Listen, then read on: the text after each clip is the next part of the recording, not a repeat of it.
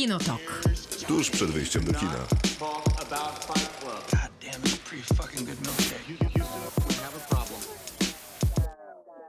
Krzysztof Majewski. Miłosława Bożek. Maciej Stasierski. Zjadają nas komary, które mamy w studiu, a jednocześnie jest tu potwornie gorąco, bo wysiadła nam klimatyzacja, a Czyli prawie zdradzę... jakbyśmy byli na A kempingu. czyli tak przed chwilą naprawdę wysiadła, czy... Nie, to znaczy jakiś czas temu już, no ale robimy co możemy. Rozumiem. Wiesz, fachowcy od naprawy klimatyzacji są ludźmi zajętymi, kiedy jest 30 stopni w mieście. Zapewne tak jest. A w studiu radiowym jest też tak, że jest tu bardzo dużo komputerów i monitorów, a one wszystkie y, grzeją nas, więc jest w gruncie rzeczy dosyć miło. Więc jak zaczniemy bełkotać, to proszę wezwać jakieś pogotowie. Ja zaraz schodzę. To jest Kinotok, będzie trwał dwie godziny, będziemy rozmawiać o filmach i serialach. W pierwszej godzinie będziemy rozmawiać o roku 2010. Maćku, dlaczego? Bo jest dziesiąta rocznica premiery Incepcji. Czyli minęło 10 lat od kiedy pojawiła się w kinach i za dwa dni pojawi się znowu. Tak jest. Będziemy też rozmawiać o serialu, za który uprzejmie dziękujemy Tobie, Miłosławo, nie, jako... nie, to nie jest prawda. Ja Nie, nie byłam poczekaj. chętna na niego. Je- Mam jeszcze zdanie do skończenia. kończę zdanie tak, że jako nasza nadworna specjalistka od seriali wyznaczyłaś Nie kierunek, w którym armia ruszyła. Nie, troszkę odradzałam, ale Jednak. nie wiem dlaczego zdecydowaliśmy się na ten serial, ale przynajmniej będziemy pewnie radośnie go obrażać. Ja tak do końca nie żałuję. Jeżeli ktoś go będzie bronił, to najwyraźniej będę to ja. E, Ja tam też coś dorzucę. Ale w ramach obrony? Tak. Ja też. Ty to jesteś człowiek zmienny jednak. Przed momentem e, radośnie obraża. Ale to nie, nie, powiedziałam, że to nie jest serial chyba warty poświęcania mu takiej rozmowy radiowej, ale na pewno jest to serial warty małej obrony. To mogliśmy powiedzieć na końcu programu. Ale będziemy rozmawiać też o filmie e, Wernera Herzoga. To jest w zasadzie najnowszy film, To który beze mnie, niestety. Dzisiaj. zdarza się. On może e, zadawać świetne Będę pytania. zadawał pytania wam. Jedynka za nieprzygotowanie. E, A jak już jesteś nieprzygotowany, to nie przeszkadzaj dorosłym się bawić. Przepraszam. Werner Herzog, jego najnowszy film Spółka Rodzinna, taki mm, jest to dramat fabularny, który bardzo dobrze udaje dokument, albo na odwrót, jakoś tak. I będzie film wstydu, o którym opowie dyrektor kina Nowe Horyzonty Daniel Ratuszniak. Dla odmiany, zdradzę, nie będą to Gwiezdne Wojny.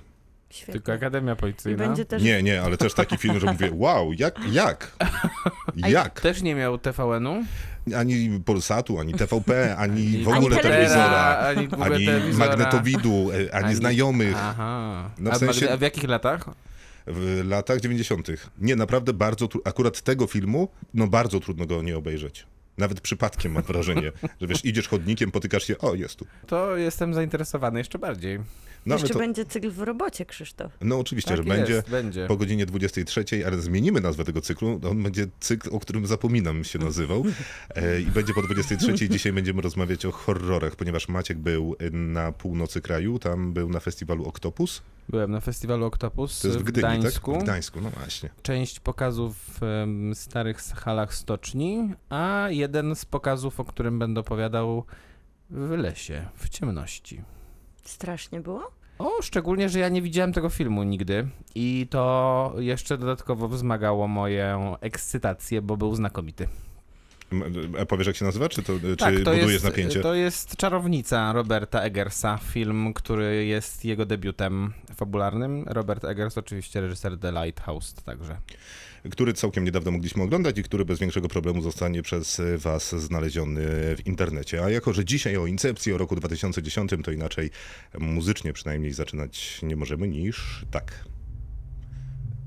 Jak się nazywa ten utwór, Maciej? The Time? No tak, masz rację.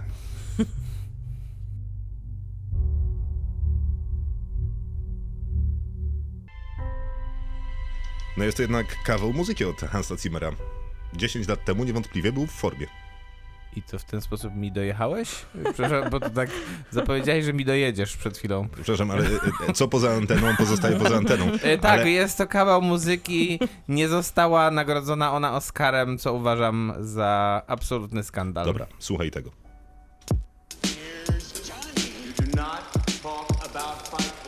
Kinotok. Film. Generalnie nie tego miałeś słuchać, tylko Twój dżingiel też nie został nagrodzony Oscarem nigdy. jeszcze To prawda. nie jest wykluczone, że Chociaż zostanie. prędzej chyba... Chociaż nie, bo tele... Emmy to jest telewizyjne. To nie wiem nawet. Dobra, Pewnie są jakieś podcastowe Dobra, nagrody. uwaga tak. dla wszystkich, którzy są z Radiem Ram na 89,8, to też po- y, 89,8 jest podpowiedź, że to jest Incepcji.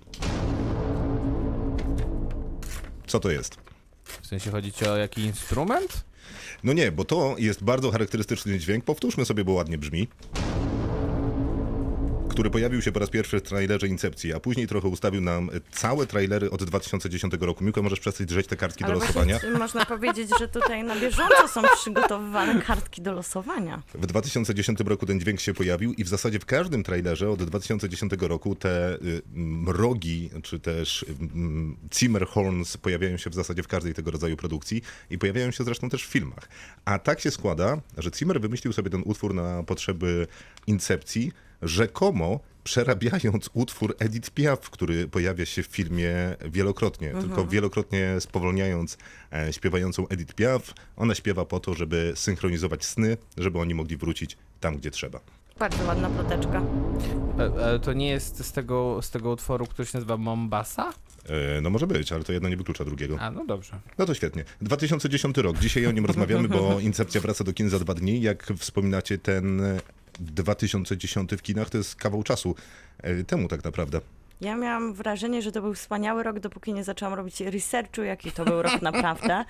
Też trzeba przypomnieć o tym, że ustaliliśmy sobie takie dosyć naturalne zasady, że filmy, który, o których będziemy mówić, to są filmy, które w Polsce były wyświetlane w 2010 roku, więc trochę problematyczna jest ta kwestia, że było więcej ciekawych filmów w 2010 roku, ale one trafiły do polskich dystrybucji na początku 2011 roku, więc trochę się ta lista zawężyła z tego, co ja myślałam, że też będę miała do dyspozycji wyboru, bo nagle się okazało, że po prostu mieliśmy małe. No bo tak jest Poślizg. zwykle z filmami na przykład oscarowymi, czy jakimiś większymi produkcjami. Znaczy, chciałem właśnie zwrócić uwagę na to, że w stosunku do tego, co mieliśmy 10 lat temu, a co mamy teraz, jeżeli chodzi o dystrybucję filmów w Polsce zagranicznych, to moim zdaniem to jest nieporównywalne. Jest znacznie, znacznie, znacznie lepiej. Słuchając jakichś e, zagranicznych materiałów na temat tego, kiedy dane filmy trafiają do kin, e, w ilu kinach są wyświetlane, to mam wrażenie, że Polska na przykład taką Wielką Brytanię spokojnie wyprzedza. No, oni czekali na Parasite trzy miesiące dłużej. Kiedy oni cieszyli się tym, że czarno-biały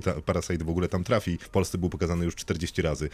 Akurat to jest przykład Parasite'u, ale to nie jest jedyny przykład tych filmów. Może nie trafia nadal tak dużo na nasz rynek, ale trafiają y, naprawdę w dobrym tempie, co nie powinno dziwić, bo od ładnych paru lat w Polsce widownia roczna kin jest bardzo wysoka, no i cały czas Poza rośnie. tym rokiem aktualnym No oczywiście, no, No ale, tak, no ale to spada mm, prawdopodobnie wszędzie podobnie. No tak, ale z drugiej strony polscy dystrybutorzy mają jednak e, tę zasadę, którą się wydaje mi się, wydaje mi się, że kierują od dłuższego czasu, to znaczy, że filmy, które e, są potencjalnie oscarowe lub już wiadomo, że będą na Oscarach się pojawiać w dużych ilościach, są wprowadzane zwykle jednak na początku roku następnego, tuż przed Oscarami, żeby na świeżo je można było obejrzeć. I przez to trochę do takiego podsumowania, jakie teraz robimy, nie można było, nie można było ich zaliczyć, bo można byłoby zaliczyć te, które były do Oscarów poprzedzających jakby ten rok. Bo te filmy, o których my tutaj rozmawiamy, rozmawialibyśmy, czyli na przykład Czarny Łabędź, czy Jak Nie zostać opuszczaj mnie. królem, Tak. To były filmy, które mm, pojawiły się w Polsce na początku roku, żeby widownia o nich pamiętała, kiedy będą dostać Oscary. Okej, Maciej, dziękujemy za szybkie wprowadzenie do filmów, których, o których nie, Nie będziemy rozmawiać. tak. Mm. Jak wspominasz 2010 rok, poza tym, że żałowałeś tych filmów, które w 2011 się pojawiły? No, z tego co em, zdążyłem zaobserwować w trakcie researchu, to niestety był problem jeszcze wtedy chyba z polskimi produkcjami. Bo, albo możliwe, że to był taki rok, bo też sobie przypominam Gdynię, e, która, która Festiwal filmów fabularnych. Festiwal w Gdyni. Filmów Fabularnych w Gdyni, która wyłoniła chyba dosyć słabego zwycięzcę, którym była różyczka Jana Kidawy-Błońskiego. Film raczej przeciętny dość i film, który zresztą wygrał w tym konkursie z Różą Wojciecha Smarzowskiego, ale Róża nie, nie wyszła w 2010 roku, więc, y, więc nie może być też znowu zaliczona do naszego podsumowania. To nie był najlepszy rok dla polskiego kina. Polskie kino od tego 2010 roku na pewno lepiej sobie radziło. To prawda, ja miałam wielki problem z kompletowaniem. Sekundę, ale 2010 rok to nie był jeszcze Essential Killing e, Jerzego Był. Skolimowskiego? Był. Był i to był sukces na festiwalu w Wenecji bodajże. Mhm. Ja nie lubię tego filmu za bardzo, więc też nie, nie traktuję go jako jakiś wielki pozytyw tego roku, aczkolwiek był to sukces międzynarodowy, jeden z niewielu w ostatnich la- w tamtych latach, nie? Był to też dla mnie wielki problem. Możemy też powiedzieć, że mamy takie cztery kategorie, czyli kino A, polskie, poczekaj. No do każdej Ładnie. kategorii będziesz to robił? Czy... Kino, kino polskie, to już e, mamy, blockbustery, Krzysztof, dźwięk. Mamy też kino au- autorskie. Dźwięk, no gdzie ten dźwięk? aha, przepraszam, e, ja się spóźniam. I mamy jeszcze najgorsze propozycje 2010. To już chyba każdy z nas podjął decyzję, co to dla nas znaczy. Więc ja miałam tak samo jak ty, Maciek, że po prostu polskie kino, n- n- nie dość, że wydawało mi się, że tych tytułów jest bardzo niewiele, to też okazuje się, że ja nie byłam zaangażowana w kinematografię polską w 2010 roku, bo też niewiele z tych filmów, które na tej dosyć wątłej liście się znalazły, ja widziałam, więc... Ale to jest ciekawe, bo ja na przykład od, nie wiem, wydaje mi się, że tak, em, nie wiem, 2015, 14, 13 oglądam regularnie po 200-250 filmów rocznie, o ile, oczywiście wyłączając ten aktualny, kinowych. W tym roku, kiedy, kiedy sprawdzałem te swoje, te swoje oceny na najbardziej popularnym portalu filmowym w Polsce, które stawiam od tamtych czasów, no to niestety e, widać, że dużo tych premier, które się pojawiały w polskich kinach też opuszczałem z jakiegoś powodu, prawdopodobnie z tego powodu, że nie były szczególnie interesujące. Ale na przykład, bo blockbustery jest ich niewiele, ale na przykład kino autorskie. Jak to nie jest Wydaje- niewiele blockbusterów? No, myślałam, że jest ich więcej, może właśnie przez to przesunięcie, o którym już mówiliśmy chwilę temu, ale Słuchajcie, kończmy to, kino autorskie było bardzo e, I zacne ogólnie w mamy problem, 2010. to już bo ustaliliśmy nie wiemy, co znaczy kino autorskie, no a co tak, blockbuster. dokładnie. dokładnie. Ja jestem o tym przekonany, dlatego chciałem powiedzieć, żebyśmy to kończyli, bo będziemy musieli się jeszcze o kategorię pokłócić. A to z serialu The Umbrella Academy sezon drugi, bo być może wiele dobrego nam nie dał, ale muzykę na pewno. beyond the sea, somewhere waiting for me. You do not talk about Fight Club. Kinotok. Film. 2010 rok dzisiaj wspominamy, ponieważ jutro, pojutrze w zasadzie jest powrót Incepcji do kin. Tam w 2010 roku miała premierę, więc sprawdzamy e, czym pachniał 2010 rok i przygotowaliśmy zabawę dla siebie, ale miejmy nadzieję, że również się włączycie w tę zabawę. Kategorie są cztery. Te kategorie to blockbustery, kino autorskie, polskie filmy, najgorsze filmy roku, a my gramy tak, że losujemy kolejność, kto mówi pierwszy, a dwie kolejne osoby nie mogą Mają użyć... gorzej. Mają gorzej. Nie, Aha, mają bo, gorzej. Bo zwykle, ta, bo zwykle ta pierwsza po prostu wybierze najbardziej, gorzej. najbardziej oczywisty.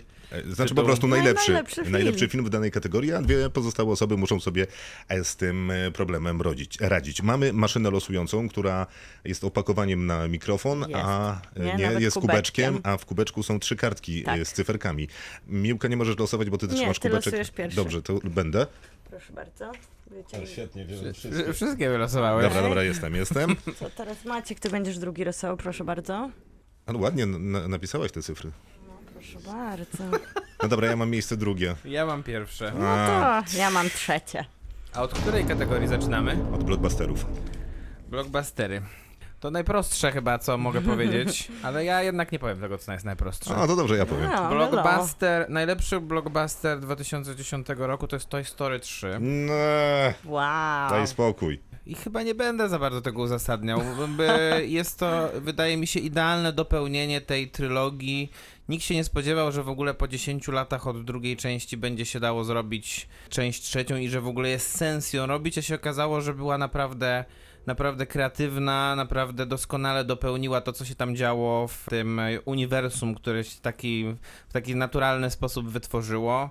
Oscar za najlepszą animację powędrował do Toy Story 3. Jest to wspaniały film, mądry, ale jednocześnie bardzo dobrze się go ogląda. No i ten villain, którego, którego, pod którego po w polskim dubbingu podkłada głos Andrzej Grabowski, czyli ten taki wielki miś, jest znakomity. Wielki miś.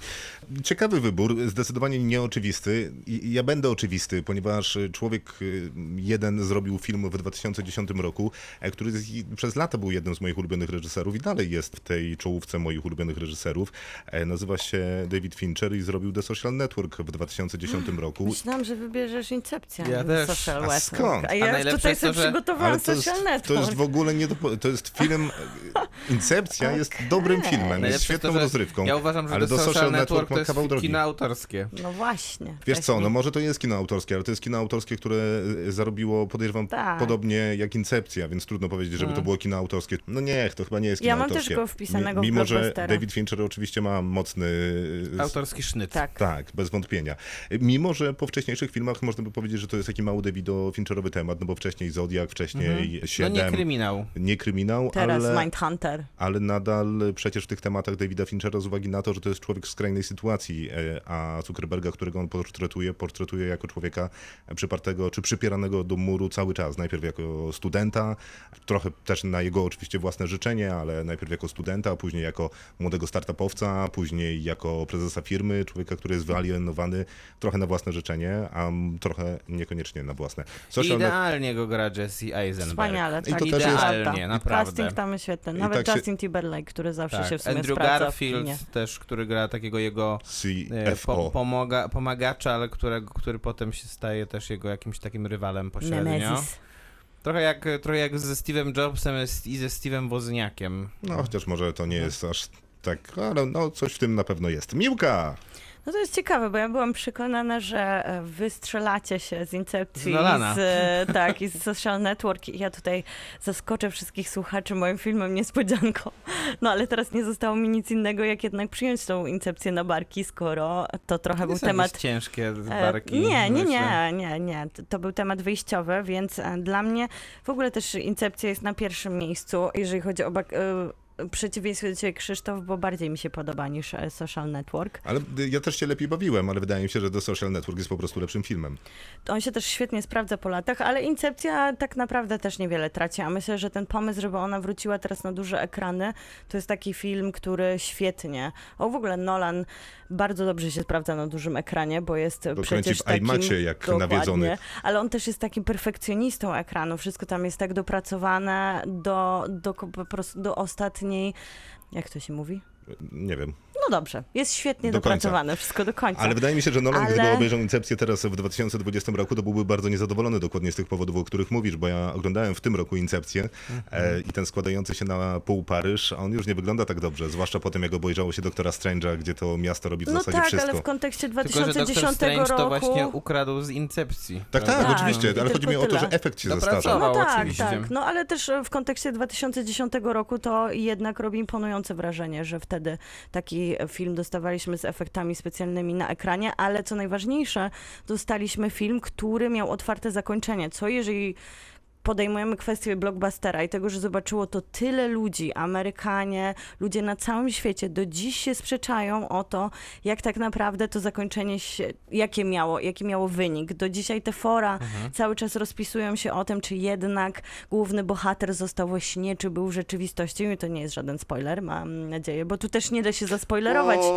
Nie da się zaspoilerować tego otwartego sensie może być. e, zakończenia, więc wydaje mi się, że to z jednej strony ta hybryda gatunkowa, którą Nolan nam oferował, czyli najpierw trochę thriller, później e, takie Trochę se- bardziej. no, później takie, myślę, że bardziej kino akcji z, z elementami, które nagle prze, przechodzą na takie prawdziwe science fiction, to jeżeli chodzi o taką wymagającą rozrywkę, to jest mistrzostwo świata, żeby Tak. zaprosić ludzi do świetnej zabawy, ale też do myślenia o tym. A, ze No świetną i obsadą. odkrycie, i odkrycie Tom chyba Hardy? dla kina Toma Hardiego, wydaje mi prawda. się. Najlepiej Em, wyglądający człowiek w koszuli. A poza tym, e, no to jest ciekawe o tyle w kontekście jakby aktualnego roku, że o ile obydwa filmy będą miały premierę w tym roku, to być może, i tutaj wrócę jakby do mojego ulubionego tematu Oscarów, być może znowu na Oscarach spotkają się Christopher Nolan z Davidem Fincherem, bo Tenet teoretycznie wchodzi do kin za dwa tygodnie, Mhm. a e, Mank, czyli najnowszy projekt Davida Finchera filmowy, pierwszy a od zaginionej dziewczyny, ma się pojawić na Netflixie w tym roku i ma być najmocniejszym Netflixowym graczem Oscarowym, Trudno się dziwić. więc generalnie e, no mam nadzieję, że takie déjà vu się znowu zrobi. Miałem czy- szeroką listę blockbusterów i powiem wam, że miałem... sobie właśnie? E, no właśnie to robię. Super. Że miałem The Social Network, miałem autora widmo, Incepcję, Toy Story 3, Wyspę Tajemnic, mm, która po latach y, obejrzana sprawdza się lepiej niż w 2010 roku, gdyby ktoś chciał nadrobić. Ja chciałam to- nadrobić. Mm, Sherlock Holmes też był w tym roku, jak wytresować smoka. E, takie filmy Ja miałem wszystkie i o te nich filmy, o myślałem. których mówiłeś, miałem, em, tylko że... W kinie autorskim. Tylko, że w autora Widmo i Wyspę Tajemnic też umieściłem w kinie autorskim. Nie, no ale To wiesz, nie- bo to to nie jest... bardzo, sprzedawaj, jak to bardzo to nie jest mainstreamowe kino. A w blockbusterach, poza tymi, które Krzysztof wymienił, ja jeszcze wybrałem Wrota do piekieł Sama Raimiego. Mhm. Moim zdaniem wciąż chyba najlepszą adaptację gry komputerowej, czyli Książę Persji Piaski Czasu. Marka, Majka Newella. Ja wybrałam Scotta Pilgrima. What? Naprawdę, uwielbiam ten film. Kiedyś wrócimy do tej rozmowy w takim Dobrze, wypadku. dobrze, wróćmy. Ja wybrałam Scotta Pilgrima kontra świat, którego bardzo lubię, chociaż to taki blockbuster do końca nie jest, bo on raczej stracił na box office niż zarobił. Ale A, to Edgar Wright, no on zawsze tracił takie ale, Ale Scott super Pilgrim kontra świat jest znakomitym filmem. Wspaniałym Znakomitym, filmem. tak, to Cudowna rozrywka, więc e, stwierdziłam, że należy, należy mu się miejsce. Ale to w- z kolei bym umieścił w kinie autorskim. Troszkę tak, a z drugiej strony już mi się tam nic nie mieści w tym kinie autorskim. Tak? To ciekawe, bo, ja mam jakoś taką tendencję, że wszystko wpychałem w blockbustery, ale to, bo po prostu patrzyłem ile to zarabiało. No jak zarabia dużo, znaczy dużo osób widziało pewnie na Mhm. No dużym ekranie. Tajemnic też mam w blockbusterach. No, no bo to jest blockbuster, Tak, no to przecież to w ogóle blockbuster. tru, trudno z tym dyskutować. No dobra, e, blockbustery za nami, trzy wybraliśmy. Ja Social Network, A to jest Story 3? A ja Incepcja. no to za moment przechodzimy do kolejnej kategorii, czyli właśnie wspominanego kina autorskiego, w którym nic się nie mieści, ale jakoś sobie z tym poradzimy. Teraz ze ścieżki dźwiękowej do e, Social Network właśnie.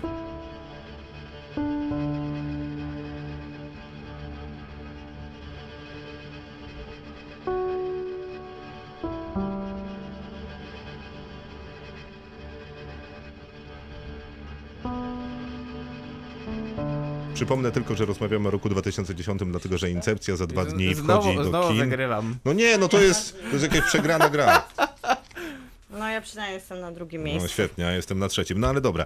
E, Incepcja wchodzi za dwa dni, dlatego przypominamy sobie 2010 rok, bo czasami miło jest wrócić do jakiegoś takiego konkretnego momentu w czasie kinematografii, zwłaszcza kiedy się poszerzy ten kontekst o cały rok, no bo jednak w ramach takich powiedzmy rocznych maratonów żyjemy tym kinem, albo tak od Oscarów do Oscarów to różnie ludzie mają. Dlatego przyglądamy się 2010. No to Maciej, no zaczynaj te, te, te, te to kino autorskie. E, to... A, zaskoczyłeś Maćka. No to prawda, ale będę, ale muszę, już, pa- już. muszę pamiętać, żeby powiedzieć dobranoc. E, to ja e, zaczynam kino autorskie i u mnie ląduje taki tytuł nie, Jestem miłością. Wiedziałam, że to wybierzesz, wiedziałam. Cieszę się Dobrze, bardzo. dobrze, nie ma tam mojego filmu. Jestem miłością Luki Guadagnino. Bardzo fajnie, że... A E, wiedziałam. czyli film, który otwiera trochę na przygodę moją z tym reżyserem. To nie jest jakaś długa przygoda, bo to są cztery filmy tak, de, tak naprawdę. Ale, nasza jest tak samo długa. Ale żaden y, z tych filmów nie zawodzi, a tu jest y, naprawdę piękne. Y, Tutaj jest wszystko, co, jest, co powinno istnieć w kinie tego typu, bo jest to kino trochę wakacyjne, Mhm. Są piękne Włochy, Monumentalne takie. wspaniała Tilda Swinton mówiąca w kilkunastu chyba językach na ekranie. Nie I mówi się wspaniała zgadza. Tilda Swinton, mówi się Tilda Swinton, gdzie ona nie była A, wspaniała. No tak, to prawda. No, no to jakby rzeczywiście jest oczywistość. Jest też to porażające przeestetyzowane bogactwo. I jest które- to tak naprawdę puściutki film i nie za bardzo o czymkolwiek, ale z drugiej strony nie ma sensu rozmawiać o fabule, bo patrzy się na niego z taką niesamowitą radością i zachwytem i intensywny on jest w swojej warstwie wizualnej, w swojej warstwie, warstwie formalnej, że jest w stanie przykryć jakieś takie nie zawsze em, wielkie głę, głębie, głęb, głębie przekazu, którą, której tutaj Luca Guadagnino akurat nie ma za bardzo, ale się, poka- ale się okazuje, pokazuje po raz pierwszy jako niesamowity esteta kina i myślę, że to jest dlatego ten mój Mhm, wybór. mhm.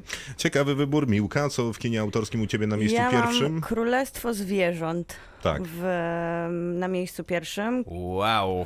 Bardzo lubię ten film. To jest w ogóle tak ładnie koresponduje z Baby Tooth, który recenzowaliśmy ostatnio, ponieważ to jest australijskie kino. Mamy tego samego aktora, czyli Bena Mendelssohna w roli głównej i tam czuć to australijskie kino. I jeszcze przy okazji jest to scenariusz opierający się na faktycznie wydarzeniach z Melbourne w latach 80. i tam doszło do takich brutalnych wydarzeń, które dzieją się trochę w tacy, takiej sadze rodzinnej, bo to jest taka wielopoziomowa opowieść o bratobójczej walce o władzę.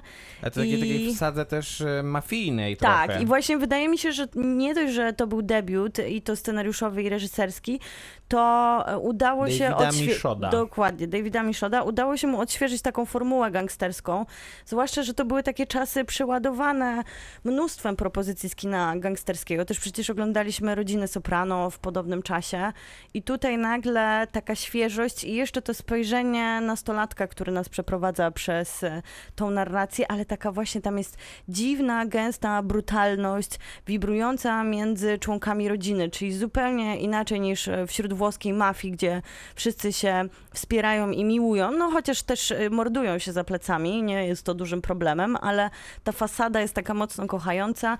Tutaj to jest taki mroczny debiut, który naprawdę jest wciągający. A poza tym fantastyczna aktorka w tym Tak, filmie ona jest gra, wspaniała. która Jackie była Weaver. nominowana do Oscara za rolę drugoplanową Jackie Weaver, którą można obejrzeć chociażby też w em, pamiętniku pozytywnego myślenia Davida O. Russella, gdzie jako matka tej całej rodziny naprawdę momentami wspaniała kradnie jest. serce tego filmu i jest to y, wspaniałe odkrycie dla mainstreamowego Mm. kina właśnie tym filmem. I Czyli nikt nie zajmie się e, Iron. Manem 2, tak? Nie chcecie No, Iron ja Man nawet 2? myślałam, Jak żeby wrzucić Iron go do Man to najgorszych. jest kino autorskie, to już naprawdę nie rozumiem argumentów przeciwko Scorsese, Polańskiemu i Fincherowi. Więc budując kontekst, dwa lata przed 2010 rokiem, o którym e, rozmawiamy, pojawia się pierwszy Iron Man. W 2010 roku oglądamy drugiego, najprawdopodobniej jeden z najgorszych filmów, e, jaki w historii MCU powstał. Na pewno. Mówisz o Natomiast swoim filmie. nie mówię o mówię o kontekście, a y, tym moim filmem będzie Zły Porucznik, Zły porucznik Wernera Herzoga? To jest 2010 rok? prawda? W polskich kinach? No, I to jeszcze remake wybrałeś. no, To jest super film. Wspaniały film i chyba naj, jedna z najlepszych ról Cudowne. Nicolasa Cage'a. To prawda i to jest dosyć ciekawe, ponieważ dzisiaj rozmawiamy o Wernerze Herzogu, o jego innej fabule, która jest dokumentalna, a poza tym Nicolas Cage, myślę, że on nam się jeszcze będzie gdzieś Tak, w powtarzał. najgorszych filmach No właśnie. 2010 Może roku. być. Więc jest to, tam. więc jest to za, Więc zrobił dwa filmy. Zaprawdę absolutnie y, urocze i faktycznie tak jest. Nicolas Cage jest niewątpliwym y, memem, człowiekiem, który zdominował internet, y, pewnie nie bardzo tego chcąc, a jednocześnie pokazuje, że może być fantastycznym y, aktorem w takich y, rolach. A tak raz na 7 lat. Raz na Nie, 7 ale lat. te pierwsze raz, role Bo on ma łącznie z były pięć wszystkie dobrych, wspaniałe. dobrych ról. Być może. Ale film, który faktycznie pojawia się w Polsce w 2010 roku, no to jest takie naprawdę gęs, gęste policyjne kino o mieście, które spowija mrok, a nie wiadomo, czy ta postać y, Nicolasa Cage'a, ten zły porucznik jest zły, czy bardzo zły, czy być może gdzieś w głębi, y, gdzieś tam mu pałęta się trochę dobra, ale jest to tak jest... przeszarżowany, że No właśnie, i Jak to jest Nicolas Cage. idealna rola dla Nicolasa Cage'a. Super przeszarżowana i bardzo fizyczna, Mhm. a on uwielbia tą fizyczność ról. On cały czas utyka w tym filmie, w zasadzie ciągnąc za sobą e, nogę, a w dodatku jest ubrany w taki garnitur powiedzmy starego typu. No teraz te dół nogawki garnituru w zasadzie przylega do łydki, a tamten był taki bufia, bufoniasty. e, Za dużo materiału. no po prostu tak i po prostu Nicolas Cage, nawet jak idzie w tym filmie, to gra znakomicie. Zresztą polecam serdecznie Nicolas kawał Cage to dobrego kina. Faktycznie on się nosi z ubraniami dobrze w kinie. Przecież u Lyncha, jak w Zaginionej Autostradzie, nie w Zaginionej Autostradzie, tylko w A. e, dzikości serca. Dzikości Serca, jak on się nosi w tych strojach, jak on się tam porusza. No i warto powiedzieć to, co już mówiłem, że jest to remake filmu Abla Ferrari. Ferrari Mhm, Tak, e, z em, Harvey'em Keitelem w roli głównej. Wszystko się zgadza. e, Ale Oba to filmy nie wspomnimy polecamy. jeszcze, jakie mieliśmy w tym całym Nie, worze. Tak, no wspomnimy, wspomnimy, tylko oczywiście. przypomnimy, że ja miałem złego porucznika Wernera Herzoga. Ja miałem Jestem miłością Luki Guadagnino. A ja miałam Królestwo Zwierząt Davida Miszuda. Świetnie. E, Ja w tym kinie autorskim miałem jeszcze e, człowieka, który gapił się na kozy, który ostatnio cię Maciej rozbawił. Co to za zaskakujące Właśnie wybory Taka są. sama reakcja jak ostatnio. Musimy no. chyba listę z tego zrobić. E, no, co tak jakoś humorystycznie, a poza tym ja naprawdę lubię ten film. E, Widziałem też Kikasa i zaskoczyło mnie, że on był w 2010 roku w kinach. I to jest, to jest kino, kino autorskie? autorskie? No nie wiem, To no, jest nie, blockbuster. ale nie zarobił jakiegoś Znaczy, majątku. jak na moje, to jest jeden z najgorszych filmów roku. A, do, dokładnie. Tak przy okazji. Kikas? Ja nie znoszę. To Ja chyba żartujesz. Co? Brutalne, okropne fi- kino. Z Nicolasem nie Cage'em w dodatku. O, no O to superbohaterach. Zapomniałem o tym, że... zapomniałem Bardzo dobry film Matthew Vona. Jeden z lepszy, jedna z lepszych A, adaptacji tak, komiksów. no, Matthew A jak Vaughn. tobie się, przepraszam, to e, nie podoba z uwagi na przemoc? Przecież ty uwielbiasz The Boys, którzy w zasadzie są tym samym, Ja tylko nie że powiedziałam gorzej. nic o przemocy. Ja Aha, powiedziałem. prze- a to byłeś ty. Tak, ja nic To o ja, przemocy ja nie podpisuję mówiłam. się po tym, że to powiedziałem. Kawał Co świetnego tam kina. jeszcze masz? E, Co mam? Mam Co nas kręci, to nas podnieca. Czy się Woodego Allena film. Tak. Mhm. A, a, bo tłumaczenie jest dosyć skomplikowane. Whatever Bo to było Whatever Tak. Works, Mhm. a po polsku to jest Co nas kręci, to nas podnieca. Zresztą wydaje mi się, że tak uczciwie to był jeden e, taki ostatni film, który sprawiał Woody'ego Allena, który sprawił mi taką nieskrępowaną, Bo niezobowiązującą to był radość. śmieszny film Mhm. i bardzo źle zrecenzowany przez amerykańskich krytyków. To było No dla mnie cóż, zaskakujące. tak Pamiętam, bywa. że oni bardzo zjechali ten film, a polscy krytycy go bardzo lubili. Tak często bywa. I ja byłem mm, wśród tych, którzy No też widzisz, go bardzo lubili. Ja też. Bo później co tam było Woody'ego Allena? Jakiś Blue Jasmine było jakimś przyjemnym niespodzianką. Coś tam jeszcze się zdarzało, ale to było ostatnie, co mnie tak szczerze bawiło.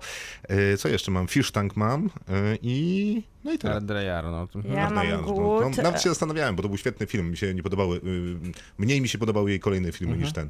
Ja mam głód Steve'a McQueena, który w sumie też był jego debiutem i to z sporym opóźnieniem się w Polsce pojawił. Od 10 lat wypieram ten film z siebie. A, Ale to Wspaniały jest film. wspaniały Mm. film. I to takie naprawdę e, kino autorskie, które zapoczątkowało karierę takiego bardzo skoncentrowanego na konkretnym kinie twórcy. I mam też e, Somewhere.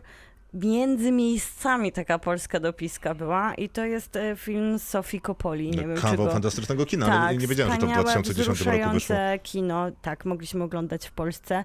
I Wyśnione Miłości Xaviera Dolana, które Tak, też, też e, mam. są ide, idealnie przy, wpisują się w kino autorskie, bo Xavier Dolan już e, wtedy przyjechał. Jeździł już na wszystkie festiwale jako to złote do- dziecko. Dowód osobisty. Tak, już wcale Ale- pewny, Ale już wszyscy przed nim klękali i, em, i po prostu go czcili, a to 21 lat, kiedy Ale to Miłości jest, wydał. e, ale to po, jak się obejrzy ten film po latach, to czuć, że jest to jednak taka pusta hipsteriada. pretensjonalne elementy, które Ale zawsze się pojawiają. w Zrobił co trzeba w 2010 zrobił. Co tam jeszcze E, masz, Zgadza Maciej? się. Ja mam jeszcze, e, nie wiem czy mogę to zaliczyć do kina autorskiego, autora widmo, ty chyba zaliczyłeś do blockbusterów, Tak tak? było. Film Romana Polańskiego. Samotny mężczyzna Toma Forda. Się No. zastanawiałem Jasne. bardzo długo na Super. tym, czy, to nie, Ja czy tego też. nie umieścić jako pierwszy I to swój. jest rola Colina Firfa dopiero. Tak, Tak. to jest super film. I em, e, film, który wyszedł pod, e, na początku roku tamtego w Polsce, a w Ameryce rok wcześniej, czyli e, Hej Skarbie, Precious, based on a novel Push by Sapphire, film, który został nagrodzony Oscarem. Wow, strasznie dużo słów. Co one wszystkie znaczą? Hej, skarbie. Hej Skarbie, Aha, dobra, film dziękuję. z e, Gabrielle Sidibe i z Monique, która dostała Oscara za najlepszą rolę drugoplanową kobiecą. Film o takiej relacji pomiędzy otyłą córką, a jej e, bardzo trudną, lekko mówiąc, matką, która nie jest w stanie jej w żaden sposób panować. Film, który dostał Oscara też za scenariusz. Naprawdę No, okej. solidne kino. Losuj. Ja losuję teraz pierwsza, A, słuchajcie. dobrze. No to też. E, e, dziwnym trafem Miłka trzymając e, nasz kubeczek do losowania okaże się, że jest Na pierwsza. pewno, ja mam nadzieję, bo tak bardzo trzymam za siebie kciuki.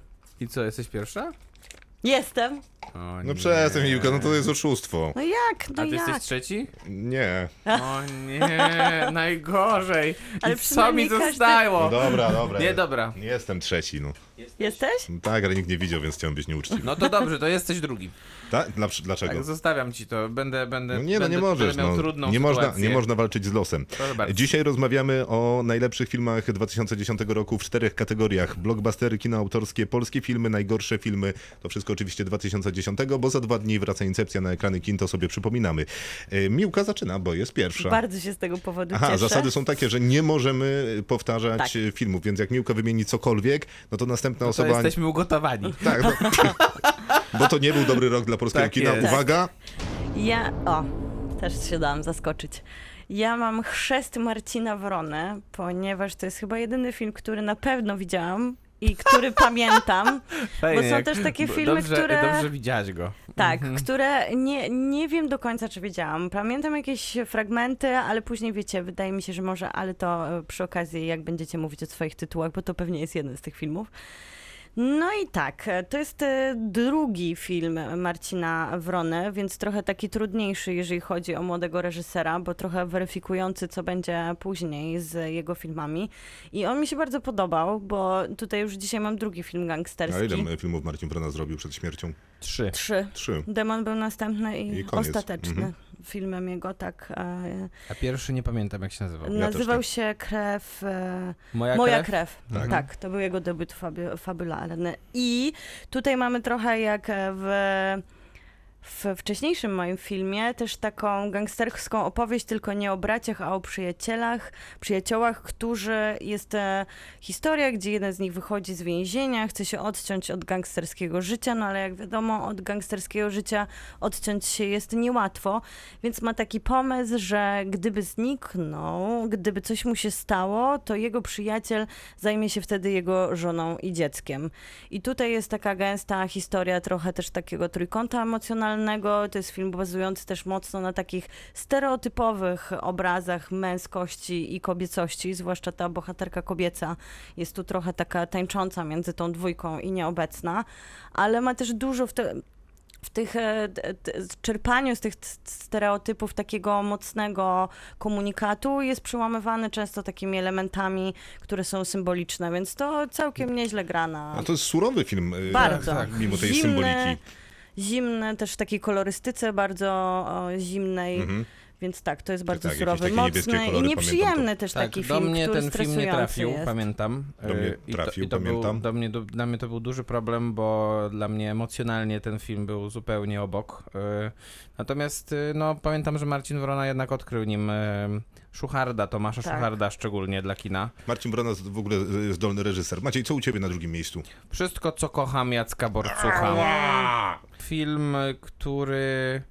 Z którego pamiętam tyle, że było, Że było bardzo, lato. że było bardzo dużo dobrej energii na ekranie, dużo takiego, dużo fajnej muzyki, zabawy, nie za dużo jakiegoś niesamowicie mm, głębokiego kina. Bo to PRL, młoda grupa gra rocka, jest Tak. Olga Frycz, której y, frontman się za- zakochuje. Dokładnie. Frontmana gra odkrywany przez tutaj Jacka Borcucha Mateusz Kościukiewicz, a drugiego też odkrywany przez Jacka Borcucha Ja- Jakub Gierszał, mm, więc no to są takie ważne debiuty polskiego kina w kontekście następnej Bardzo. dekady. Szkoda tylko, że Olga Frycz zniknęła, bo ja bardzo Tak. ją lubiłem w tym filmie.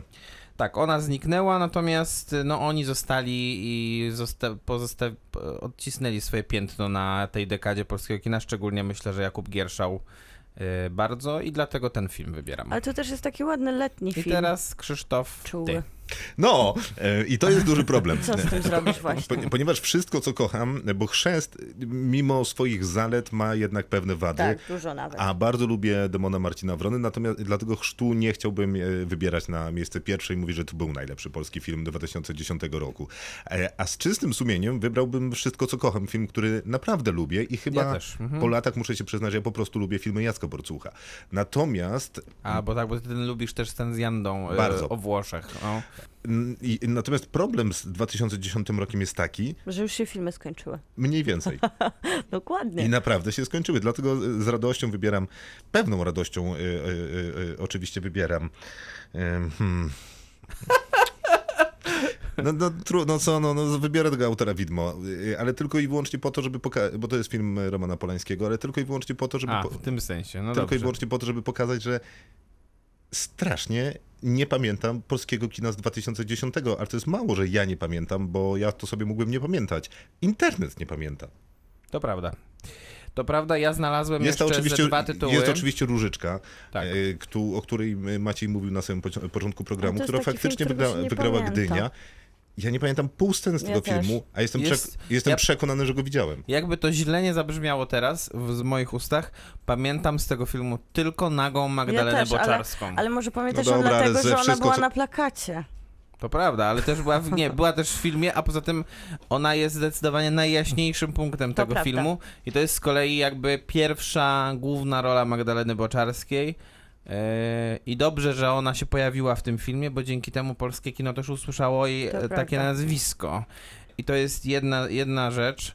A coś E, jeszcze masz tam? jeszcze jest- No nie, no jest Essential Killing jeszcze, którym Jeszcze też można się Killing. Było bronić. tego filmu. Jest na przykład... y, Matka Teresa od kotów jest I też. to jest okropny film. Tak, to ja jest właśnie nie wiem, czy wyjątkowo- ja go widziałam, bo y, bardzo dużo było później artykułów o tej faktycznej historii, Mhm. która się wydarzyła na... On jednak powstał, scenariusz Okej, powstał okay, na... się to zlało. Tak, więc No ja to chyba co- go nie widziałam Co jest też niezłym dowodem na to, że y, no jakby film nie miał ci nic więcej Jest do powiedzenia niż film. artykuły Ja prasowe. jeszcze znalazłem film Feliksa Falka ostatni, e, który nakręcił w 2010 roku, który się nazywa Joanna. Film e, zrobiony bardzo mocno go pod widziałam. Opowiadając o wojnie, o kobiecie, która ukrywa żydowskie dziecko.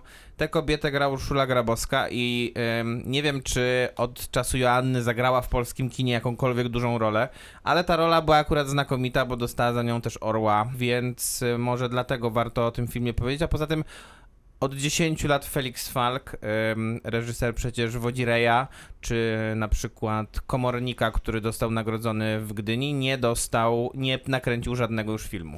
I w Miałeś 2010 coś tam roku, jeszcze? tak, miałem kołysankę, ale to był trochę taki przykład jak autor widmo, czyli, chcia, Tak. czyli chciałem powiedzieć, że, na że naprawdę w 2010 było jakieś potknięcie, bo od 2000 Tak. do 2010 roku pewnie znalazłbym bez problemu w każdym roku po pięć dobrych polskich filmów, z którymi z radością wspominam. Natomiast ten Ewidentnie. 2010 ma ze sobą jakiś duży problem. Kołysanka to film Juliusza Machulskiego o wampirach, więc Komedia. no to jakby wszystko mówi. Taka średnio śmieszna. Ale, ale też ostatnia śmieszna komedia, którą Ale nakręcił. To prawda Tak. też. Mhm. Ja mam jeszcze, słuchajcie, Milk Heaven to jest taka, to jest, to właśnie, to, był, to, to była moja determinacja, żeby znaleźć trzeci ty, tytuł, bo to jest e, film animowany, który wygrał bardzo dużo nagród, ale trwa Wow. jedynie tam 10-15 minut.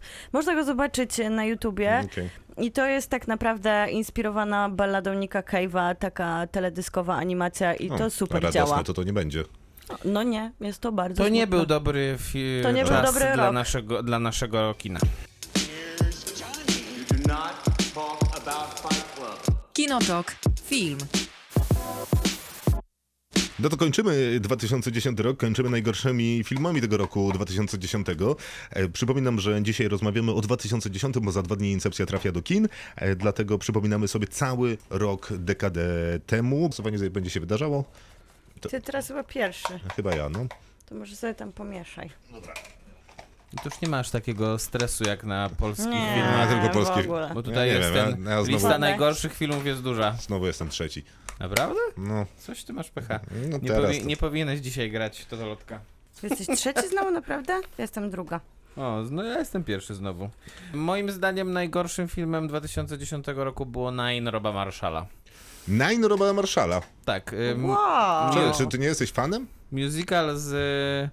Właśnie dlatego, że... Musical. Mia- W sensie fanem musicali. Jestem dla, i dlatego właśnie nienawidzę tego filmu, gdyż em, widziałem go dwa razy, jeden raz wcześniej, a drugi raz później m, w To logiczne. adaptacji, znaczy przed filmem, a potem po filmie, adaptacji teatralnej i niestety w porównaniu z tym, w jaki sposób wystawiany jest w teatrze, czy był we Wrocławiu w Teatrze Kapitol, Mhm. czy w Teatrze Muzycznym w Poznaniu, który bardzo polecam generalnie, e, to film jest absolutnie katastrofalnie zły. W No, ale masz sensie tam mnóstwo wszystko, aktorek, co, e, piosenek. wszystko, co jest świetne w tym musicalu, Rob Marshall zabił swoją wizją, której nie posiada, a poza tym, no niestety obsadził przecież wybitnego aktora Daniela Day-Lewisa i kazał mu zacząć śpiewać, co wyszło fatalnie. Nie da się obronić tego filmu, naprawdę jest to, ja mam, ja, to nie jest, to jakby może inaczej. Obiektywnie to pewnie nie jest jakiś najgorszy film, bo ma rzeczywiście świetną obsadę, ładne Okej, zdjęcia i tak dalej, ale ja po prostu tego filmu nienawidzę. E, Miłka.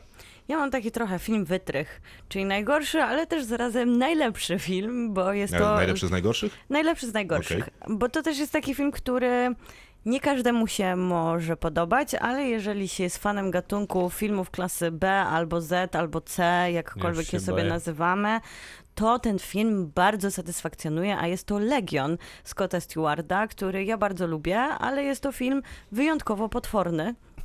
Co to? Ja nie pamiętam takiego filmu. Ja też nie. Jak? To taki głośny był film. To Paul grał? Bettany jest A, to wiem, on jest takim Archaniołem Michałem. i zabija tam jakieś Odcina demony. sobie k- Widziałem to. skrzydła i to To jest... ja ta- chyba nawet tego nie To widziałem. jest w ogóle taka opowieść, co, Widziałem, co, ale jest, nie w kinie. co jest e, A. w ogóle bardzo ładne, bo to jest taka opowieść trochę wigilijna, czyli mamy Marię i nawet e, jest Józef i trochę takie niepokalane poczęcie, ale w bardzo Ale jednak da- daleko. pokalane. Pokalane mocno. No, ale tam jest jakiś I- ta, taka post- postapokalipsa jest chyba. Tak, no i właśnie ma się narodzić dzieciątko, ale z tego powodu reaguje piekło i ze wszystkich stron atakują demony i właśnie Paul, Bet- Paul Bettany jako archanioł Michał schodzi na ziemię, odcina sobie skrzydła, ma wielką ciężarówkę broni palnej i strzela, i strzela, i strzela i jest to świetna, świetna zabawa. Nie ma tam scenariusza, tam jest po prostu miłość do Nie, kina ale tam jest scenariusz, tylko on się jakoś tak fatalnie ucina ten film, który trwa w ogóle, mam wrażenie, 40, 14 On się minut. takim e,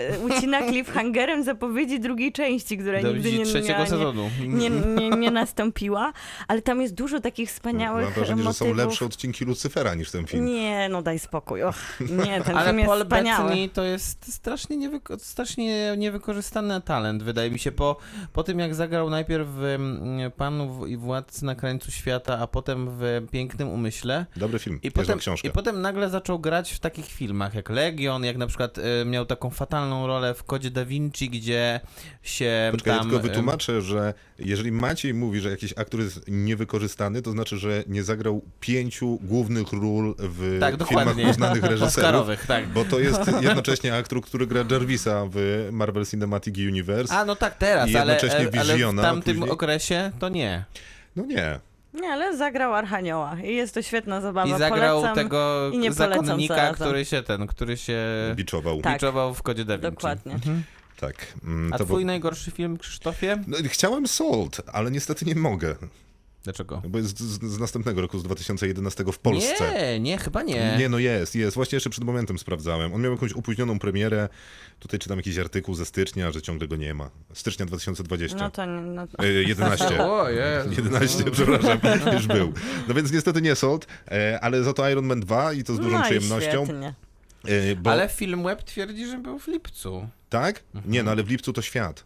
A, ale też wydaje mi się, że w Polsce. No właśnie mi się wydaje, że nie. No więc jeżeli tak, to Salt, e, ale no Też mi niestety się chyba wydaje, nie. Że nie. E, Więc Iron Man 2. A to ja tak nie nienawidzę tego Salt, ale dobra, no Ja mów. też nie. Nie, ja, to szybko się wytłumaczę. E, Salt to miało być piękne połączenie polskiej tradycji aktorstwa e, e, w postaci Daniela Lubryskiego z... Z gwiazdami Hollywoodu. Tak, z Angeliną Jolie, która grała tam właśnie tą tytułową Salt, Innych czyli jakąś gwiazd tam nie było, zabójczynię. więc to... To prawda. E, No i skończyło się tak, że Daniel Olbryski co prawda w filmie był przez chwilę, ale e, jego dźwięk zdubbingowano. Jak... Nie, to, to nie jest prawda, Krzysztof. No Akurat, jak bo nie? zdubbingowano tylko w zwiastunie, a potem Tak było? w filmie już nie. No dobrze, więc jest tam przez trzy minuty, no i nie, no niestety nie jest to jakaś e, spe, specjalna Nie. współpraca Ponoć się aktorska. zaprzyjaźnili z Angeliną Jolie. Ale no ja w to nie wątpię, ale ja na ekranie tej przyjaźni niespecjalnie widzę. E, No więc nie Salt, bo chyba nie w 2010 roku, za to w 2010 roku był Iron Man 2. A to jest film, który pewnie nie jest najgorszym z filmów na świecie, ponieważ wszystkie jego wady można przykryć jakimś niepoważnym budżetem. A poza tym chyba pojawia się tam Elon Musk, co jest e, całkiem niezłym dowcipem, zwłaszcza, że ponoć wzorowano postać Roberta Downeya Jr., czyli Tonego Starka na tym milionerze właśnie. Ale generalnie w tym filmie wszystko jest do bani. E, Dramaturgia beznadziejna, Zwłaszcza scenariusz do wyrzucenia. Po pierwszym Iron Manie, no ja nie wiem w ogóle po co no to jest. kontrast jest szalony. No. Jak naprawdę nie można było chyba nudniejszego przeciwnika dać temu Iron Manowi. E, Jest Ale to sam exp- Rockwell jako ten nudny, ten nudny przeciwnik akurat się broni. Uda, To nie uważam, że jest jako sam jedyny. Sa- no jest sam Rockwell, bo A, on jest jest takim też. przeciwnikiem Faktycznie. faktycznym. to- Racja. to to jest ciekawa rola, Mhm. do kiedy oni jeszcze są w Senacie. W pierwszych 15 minutach filmu chyba. Tak, dokładnie. A, no dobrze. E, A później, mimo że ta rola jest ciekawa, to niestety ona nie bardzo ma c- co robić. e, No tak, ale poza tam tym, sam Rockwell jako jedyny mało się zabawne stara. teksty. E, No tak, tak, tak, bo nawet Robert, Robert Downey Jr. mam wrażenie, Tam że się już Tak, autopilot, a to jest drugi już- film, Dobra, a on wróciłem. już jest na autopilocie. Dobra, Tak, wróciłem. E, Odpalam prawda. autopilot w swoim kostiumie i lecę na odrzutowych nogach, jest naprawdę super. Nie, no to było przykre, bo jedynka faktycznie była fantastycznym filmem A i obiecywała wszystko. tym A poza tym, już ostatnie zdanie na tym Expo, jest taka finałowa scena, że Boże, leci ten Iron Man expo. i War Machine Uch. i leci tam mnóstwo tych takich innych dronów i one do niego strzelają. I to jest takie lenistwo. W sensie to jest, a dobra, Lazy. rzućmy Tak, masę zombie przeciwko nim, No, no. rzućmy masę innego CGI przeciwko nim, całkiem jak w tym twoim filmie z Paulem Bettany. Ale Tak, tam właśnie, mm, tak. Tylko tam to ma sens, a w Iron Manie nie. Ja Jest jeszcze, nie jest jeszcze jedna olbrzymia wada tego filmu, która nie została według... Znaczy ja nie wiem, jak to zostało wyjaśnione, to pewnie zostało w pewnym momencie jakoś Ale tam Iron wyjaśnione. Iron Man 2. E, mianowicie, że w pierwszym War Machine grał... Teraz zapomniałem nazwiska, Hmm. ale w drugim grał go Don Cheadle i został zmieniony aktor i nie zostało to wyjaśnione dlaczego. No, ale rzadko się nam wyjaśnia, No nie zostało dlaczego. wyjaśnione, ale y, zakulisowe informacje mówiły o tym, że Mhm. Robert Downey Jr. powiedział, że będzie grał w tych filmach, ale on ma jakieś takie strasznie duże pieniądze bierze za te filmy. W sensie Mhm. za pierwszy wziął pół miliona dolarów, za drugi chyba już 10, a później nie schodził poniżej No to już 50. 100. Za cameo w Spider-Man Homecoming wziął y, 10 milionów. Terence Howard, przepraszam. No. Terence Howard. A Terence Howard powiedział, że on nie chce mieć tej, nie wiem, zarabiać 5 zł, kiedy Robert Downey Jr. zarabia 10 milionów, Mhm. bo on w tym akurat filmie Iron Manie dwójce jest taką równorzędną postacią. W sensie w dwójce już gra go Don Cheadle. Tak, tak, ale y, no, ponoć tak. dostał Tam scenariusz, jest taki zobaczył, że... konflikt niemalże. Tak, tak, tak, Mhm. że jest go w zasadzie tyle samo, co Roberta Downeya Jr., to dlaczego ma zarabiać 10 I razy mniej? go. I powiedział, no to póki mi nie podwyższycie stawki, to No. y, ja nie A. gram. No więc go wyrzucili. No i teraz, no i Don Cheadle gra tego War Machine y, do, aż, aż do dzisiaj. Do końca. Tak? Tak, Właściwie. Ale obaj ja, są równie dobrzy. ja uważam, że nie, znaczy to jest niezrozumiałe w ogóle zachowanie i tak się nie dzieje w żadnym, w żadnym innym f- filmie uniwersum Marvela. Wszystko prawda. To był rok 2000. Ale jeszcze Nie, jeszcze ja miałam, słuchajcie, Łatwą Dziewczynę, co też jest takim filmem... To miałeś w najgorszych filmach? Ale nie, ja chciałam powiedzieć, że to jest film, który mógłby być, bo on jest taki kontrowersyjny, uważany za taki, który strasznie oczernia kobiety, jest taki bluźnierczy, a tak naprawdę to jest bardzo zabawna satyra. To w z, ogóle nie jest najgorszy film. To jest jedna z najlepszych komedii romantycznych. O czym z pewnością lat. kiedyś porozmawiamy. I jeszcze mam o, ucznia czarnoksię- czarnoksiężnika Z Nicolasem z Cage'em. wspominanym dzisiaj Tak. Nicolasem Cage'em i Moniką Bellucci. To jest taki film jak Gdzie- Percy Jackson i coś tam, czegoś tam. Tak. Ale tutaj to jest w ogóle na podstawie animacji z Disneya i tu jest tylko magia. W co z każdą scenę jest upchana po No prostu. bo on jest czarnoksiężnikiem. I ten Nicolas Cage A dobrze cały wygląda, czas taki długi czaruje, płaszcz. czaruje. Jest fajnie. Ja mam Maciej. natomiast Robin Hooda, Ridleya Scotta. Ale ja jeszcze mam. A to proszę, do końca. Ja mam Nie, jeszcze nie, nie, Wampiry nie, i nie. Świry, który jest najgorszym filmem Okej, w historii. Robin Ja mam Hood, Robin Ridleya Scotta. Jedz, módl i kochaj, to też mam. Ostatni Władca Wiatru, film Mem Night Shyamalana. Dobrze, nie Władca I- Paryżu. Ża. I em, sequel Wall Street, Pieniądz nie śpi. Uuu, dobrze. A co To miałeś jest wcześniej? zły film. Ostatni Władca Wiatru. A, no tak, to jest naprawdę porażka. A ty? Ja nie miałem nic więcej. No po co mam wymieniać najgorsze filmy, żeby powiedzieć, słuchajcie, w 2010 roku był taki film, nie oglądajcie ich. No tych nie oglądajmy. To był 2010 rok, szybko przypomnijmy blockbustery, ja miałem Social Network, Incepcja. Ja miałem... Co ja miałem? E, A, Toy Story 3. kino autorskie, y, ja miałem Złego Porucznika, Królestwo Zwierząt. Jestem miłością. polskie filmy, Chrzest. E, Wszystko, co kocham. zupełnie nic, i bo mniej więcej tyle było i najgorsze filmy roku, Nine. Ja polecam Legion. okej, a ja Ironmana dwójkę i tak kończymy 2010 rok. y, Fatalny w polskim kinie, znacznie lepszy y, wszędzie I indziej. będziemy robić takie chyba podsumowania Fajnie różnych było. lat, wydaje mi się. To jest Co fajne. roku. Fight Club. Kinotok. Film. Czas na cykl w robocie, czyli cykl, o którym zapominam zawsze. Maciej prosto z Gdańska wrócił, gdzie był na festiwalu Octopus. Jak było na festiwalu? Jest to wspaniały festiwal, Dziękujemy. wszystkim. Bardzo mi się podoba taka recenzja tego festiwalu. Koniecznie się wybierzemy, bo naprawdę to brzmi super, że Tak. jest się w, w dziwnych miejscach i ogląda filmy, które te miejsca udziwniają jeszcze bardziej. Stocznia brzmi To jest fantastycznie super. W na kino. stoczni, Znaczy, Predator jest w dziwny. dżungli, znaczy takiej ułożonej dżungli w budynku w stoczni.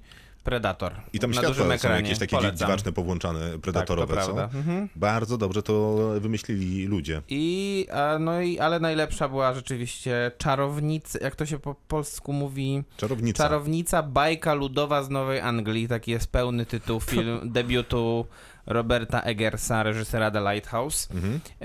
I teraz ja powiem rzecz niepopularną. Uważam, że ten film zjada The Lighthouse na śniadanie, bo naprawdę jest to rewelacyjny horror i jest to też znakomity dramat rodzinny i bardzo dobrze wykorzystuje tropy gatunkowe.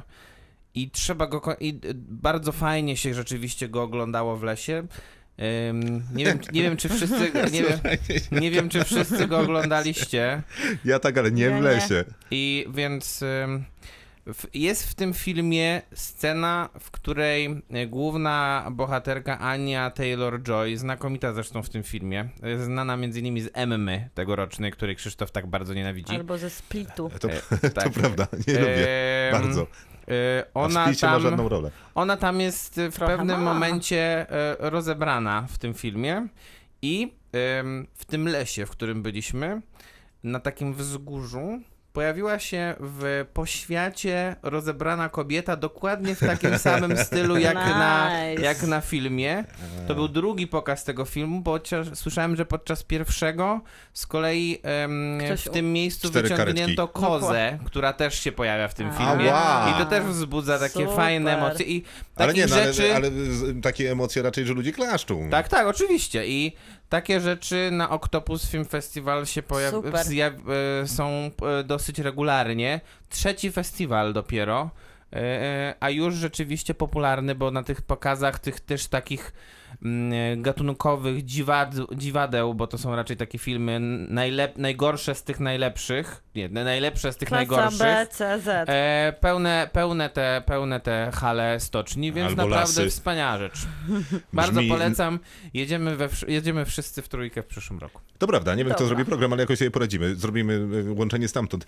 To jest w ogóle super sprawa. Y, Ja mm, wielokrotnie, znaczy raz, zapisywałem się na Secret Cinema w Londynie, czyli na coś takiego, o czym, y, o czym mówisz, tylko że pchnięte jeszcze dalej. Czyli na przykład jak pokazują ten Casino Royale, mm, film o Bondzie z Danielem Craigiem, to robią całą taką inscenizację dookoła ekranu i dzieje się tam w zasadzie wszystko. Też rewelacja. Miłka, bo dzisiaj w robocie polecamy horrory. E, Miłka, co tam wybrałaś? Ja długo myślałam nad tymi hor- horrorami. Bo nie lubisz. Bo nie lubię bardzo i właśnie na przykład dlatego Ja nie widziałam lubię. Wiedźmy, ale za to lubię taki jakby wewnątrz gatunek, bo najpierw są wampiry, a później są zombie. Ja jestem wielką fanką całej Pewnie. zombie kultury, więc em, kanibalizm, który się pojawia często w kinie, jest w filmie, który widzieliśmy w Polsce. kinie się często tak, pojawia. Właśnie w tym gatunkowym i Mhm. zwłaszcza e, skupiony na zombie. Debiut, mięso, francuski debiut, A, który bo zombie, opowiada... zombie, zombie. No bo zombie, zombie, zombie, ale w taki właśnie sposób, że wydaje się, że temat zombie już był przerobiony na wszystkie możliwe sposoby, ale nie, da się to zrobić z pomysłem, zadziwiająco subtelnie, bo to jest taki coming age of story, poszukiwanie własnej seksualności, tożsamości na poziomie zjadania członków innych ludzi, ale w sposób bardzo e, romantyczny wręcz. Kamera jest taka intuicyjna, narracja jest taka w ogóle bardzo francuska, więc e, polecam ten debiut, który możemy na Chili zobaczyć. A zaczyna się tak bardzo niewinnie, bo y, Tak. jesteśmy w koledżu i w ramach jakiegoś takiego y, Otrzepin. Otrzepin się ma, ma się zjeść nazywa. kawałek czegoś z formaliny, bo oni A są chyba studentami medycyny czy czegoś jest takiego. weganką, wegetarianką i nie chce mięsa jeść, a to tak, tak. mięso rodzi Ma w niej moc. głód. Ale Ten jeszcze film chciałam tylko dorzucić... Był na Nowych Horyzontach Tak, i I to... nie dostał chyba dystrybucji nawet pełnej Tak, tak, tak, tak, tak. Dlatego możemy go zobaczyć na Chili tak samo jak... To był jeden z tych filmów, możemy zresztą kiedyś zrobić jeden program z serii zapowiadany przez miesiące, Tak. że to jest najstraszniejszy, najbardziej obrzydliwy film, jaki kiedykolwiek widzieliście. Na zeszłych Nowych Horyzontach to, były, to była Złota Rękawiczka, e, który faktycznie był takim filmem. e, Wcześniej było to właśnie Mięso. Był Kon- Greasy Stranger. Tak, tak, koniecznie zróbmy taki Ale program. Też e, co do tego mówiliście o tej inscenizacji, to w Stanach ten film Mięso był reklamowany w ten sposób, że dawano papierowe torebki Mhm. przy wejściu do kina razem z biletem, bo niby on będzie taki, no tak, tak Odrażający. będzie działał Tak, na tak, nasze tak, tak, ciało. tak, A tak. jeszcze tylko chciałam super szybko dodać, że na Chili jest wszechstronna dziewczyna, która też leciała na Nowych Horyzontach i nie miała swojej dystrybucji i to jest znowu opowieść o zombie dzieciach, jako takiej hybrydzie na e, poradzenie sobie z problemem. Opowiadamy o mocnym. takich filmach, które nie miały, bo Czarownica też nie miała dystrybucji Tak. pełnej kinowej w Polsce, była tylko pokazywana na off-kamerze wcześniej. A, no to ja prawdopodobnie dołączę się do tego, bo chciałem zaproponować, skoro mówimy o horrorach, coś, y, czego byłem kiedyś fanem i nawet ściągałem filmy na DVD z zagranicy, żeby móc sobie niektóre zobaczyć, bo absolutnie nigdzie nie były dostępne. Rzecz nazywa się Video Nasty i to był taki koniec mojej epoki, kiedy oglądałem filmy ze znajomymi na VHS-ach i wyciągaliśmy najpierw najdurniejsze komedie studenckie, a później wyciągaliśmy najdurniejsze horrory. jakieś właśnie 80., pół z klasycznymi. 90.? E, e, Video Nasty? No. Tak, to były lata 80., a to jest y, mm, spowodowane przez British Board of Film Classification, który istnieje zresztą do dzisiaj i on zajmuje się klasyfikacją filmów, więc tak jak w sensie te Czarna lista. PG-13 na przykład, Mhm. czy cokolwiek takiego, to oni wymyślają, jaki to będzie przedział, e, przedział wiekowy tenże film. E, A wtedy wymyślili sobie właśnie te wideo nasty, czyli filmy, które mm, mają takie walory, które są ze wszelkich powodów złe dla młodzieży i oni nie powinni tego oglądać i to była taka faktycznie czarna lista filmów zupełnie zakazanych. E, Często to były filmy takie straight to VHS, czyli prosto na kasetę, no i dystrybucję właśnie tych filmów zakazywano, ale jako, że kasety łatwo się przegrywało, no to ten podziemny obieg tych filmów był dosyć duży, a przez to, że były zakazane, no to siłą rzeczy cieszyły się największą popularnością i wśród tych filmów możemy znaleźć takie rewelacyjne mm, filmy jak Zakonnice SS, czy Driller Killer, czy jeszcze inne takie dziwactwa. Przede wszystkim jest bardzo dużo krwi i jeszcze więcej śmierci, która polega na rozczłonkowywaniu i najróżniejszych tego Brzmi rodzaju super. rzeczach. The Burning, Blood Rights, Blood, Blood Moon, Island of Death, I Spit on Your Grave i takie to właśnie są filmy. Ponad 60 y, tytułów na tej liście, w tym kiedyś Mechaniczna Pomarańcza Kubricka przez moment. Zresztą jedna ze sporych sieci kin Wielkiej Brytanii została zamknięta e, i splejtowała właśnie przez to, że mm, pokazała raz y, Mechaniczną Pomarańczę w tym momencie, kiedy akurat była na tej zakazanej e, liście. No więc y, kawał ciekawej kinematograficznej historii. Część z tych filmów jest ciekawa, większość nie. Wszystkie takie w, w, w, typu, w typie tych włoskich, takich ym, obrzydliwy, y, obrzydliwych horrorów. E, Tylko że, tylko, że trochę inne akcenty tam są, może są bardziej takie dosadne, a nie takie troszkę metafizyczne, jak to z tym włoskim Galiu bywa. Kinotok. Film. Czas na film, który do zobaczenia na HBO Go zrobił go wielki mistrz Werner Herzog, Dzisiaj już nawet wspominany przez ciebie. Y, Tak, tak. y, Poniekąd celowo, poniekąd y, przypadkiem, ale przede wszystkim szczerze, bo Zły Porucznik jest naprawdę znakomitym filmem, o którym Miłka, do którego Miłka nawiązuje. Tym razem spółka rodzinna do tak, to zobaczenia. się nazywa dokładnie. Jest to oparty na, e, tak naprawdę ten film jest oparty na artykule Mhm. Eli Bauman z New Yorkera z 2018, e, z New Yorkera, Z New York Timesa? z New Yorkera, Okej, może być New Yorker. z 2018 roku. New Yorker O się japońskiej- kojarzy ze sklepami odzieżowymi pewnie, więc no, Z niczym mi się nie O kojarzy. japońskiej No. Nie branży... się, naprawdę? Z gazetą mi się kojarzy. A, no, No to widzisz. dobrze. No świetnie, no o kontynuuj. japońskiej branży Rent a Family, to się tak nazywa po angielsku, a u nas po prostu wypożyczalni bliskich, można w wolnym tłumaczeniu powiedzieć. I trzeba zaznaczyć, że to nie jest dokument, chociaż cały ten film sugeruje, że dokumentem jest, bo, bo od tego, w jaki sposób e, Werner Krę- e, Herzog go kręci, bo to jest użycie wręcz takich domowych sposobów, trochę telefonu, trochę takiej kamery z ręki. Poza tym wszyscy aktorzy, którzy są zatrudnieni, to są amatorzy.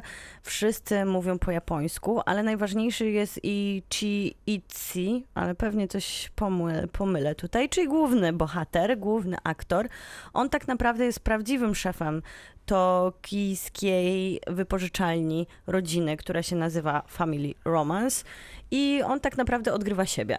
Ale scenariusz był i wszystkie te scena, scenki, które się tam pojawiają, są faktycznie oparte luźno na pewnych sytuacjach, które No, którą on raportował pewnie. tak, firmy mają Więc, miejsce. To jest idealny przykład tego, co nazywa się kinem hybrydowym pomiędzy fabułą i dokumentem i w zasadzie to nie jest istotne, jak się to odbiera, czy to dokument, y, czy, Czy film? czy fi, fabuła. Czemu się tak patrzysz, Macie? Nie, bo jakby y, słuchając opisu, to mi się kojarzył, skojarzył film y, jeden Alpy Jorgosa Lantimosa. Jasne, i to troszkę, jest bardzo- troszkę podobny, podobny Tak. fabularnie film. No tak, tylko że z Jorgosem Lantimosem, o- którego wspominasz, z jego Alpami, czyli chyba drugim filmem y, po Kle, który zrobił, było trochę tak, że no jak to u Jorgosa, to było trochę popchnięte do ściany, Wiadomo. e, że już... A już Sza- greckie No szaleństwo to akurat nowej jest fali. jego najgorszy film prawdopodobnie też, więc... Myślę, że nawet na pewno, y, ale no jest konsekwentny w tym, że popycha y, swoje tematy tak daleko jak się da. Werner Herzog trzyma ten temat bardzo blisko siebie, zresztą ten... Blisko y, serca Mhm, ten główny bohater zresztą jest taki bardzo właśnie blisko kamery, prawie do niej przytulony,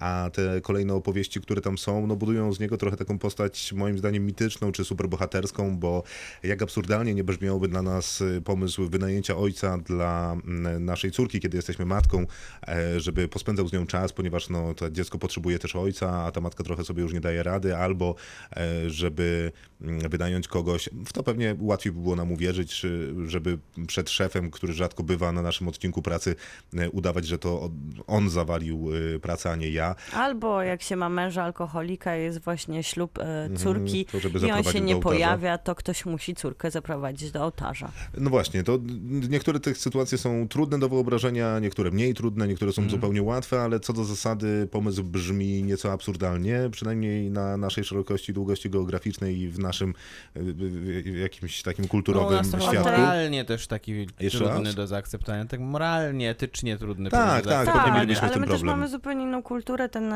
ten pomysł na wynajmowanie bliskich tak naprawdę w Japonii już dawno temu funkcjonował. Na przykład wręcz wynajmowało się całych gości na weselach, bo starało Mhm. się pokazać e, u nich tak naprawdę ta, ta, ten wizerunek na zewnątrz jest bardzo ważny i ten wstyd, e, który w całej kulturze jest taki fundamentalny, nie pozwalał na to, żeby na przykład było za mało ludzi Mhm, na...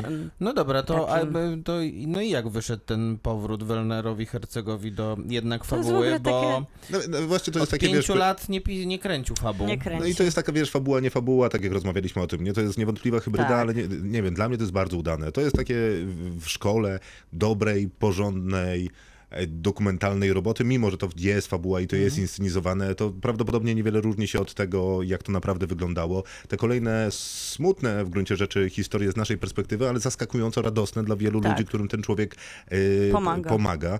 Mm, I, I to jest jakby jeden poziom tego filmu, e, ale Herzog, Herzog nie byłby dokumentalistą czy filmowcem e, Albo i swojej sobą. albo i sobą swojej klasy, e, gdyby nie poszedł jakby o krok dalej, bo on zaskakująco dużo e, tymi historiami opowiada mi o Japonii i prawdopodobnie żaden film e, nie opowiedział mi tyle o Japonii, co on przez te zaledwie półtorej godziny, bo jest dużo w filmach japońszczyzny e, jako takiej, no bo są ci samuraje i coś tam i wiesz, kwitnące wiśnie i, i, i, i, i K-pop y, czy coś tam jeszcze, e, ale tutaj jest mnóstwo takiej Japonii codziennej, Japonii, która wydarza się w parku, która wydarza się na dziedzińcach, No bo- e, Japonia małych i dużych tradycji i to jest przeurocze Bo to jest i chyba- przefascynujące. Siła tego filmu, że on tego nie narzuca i nie opowiada tego jako historii o Po- Japonii, tylko to się pojawia w tle naprawdę takich ludzkich, bardzo intymnych i wzruszających historii.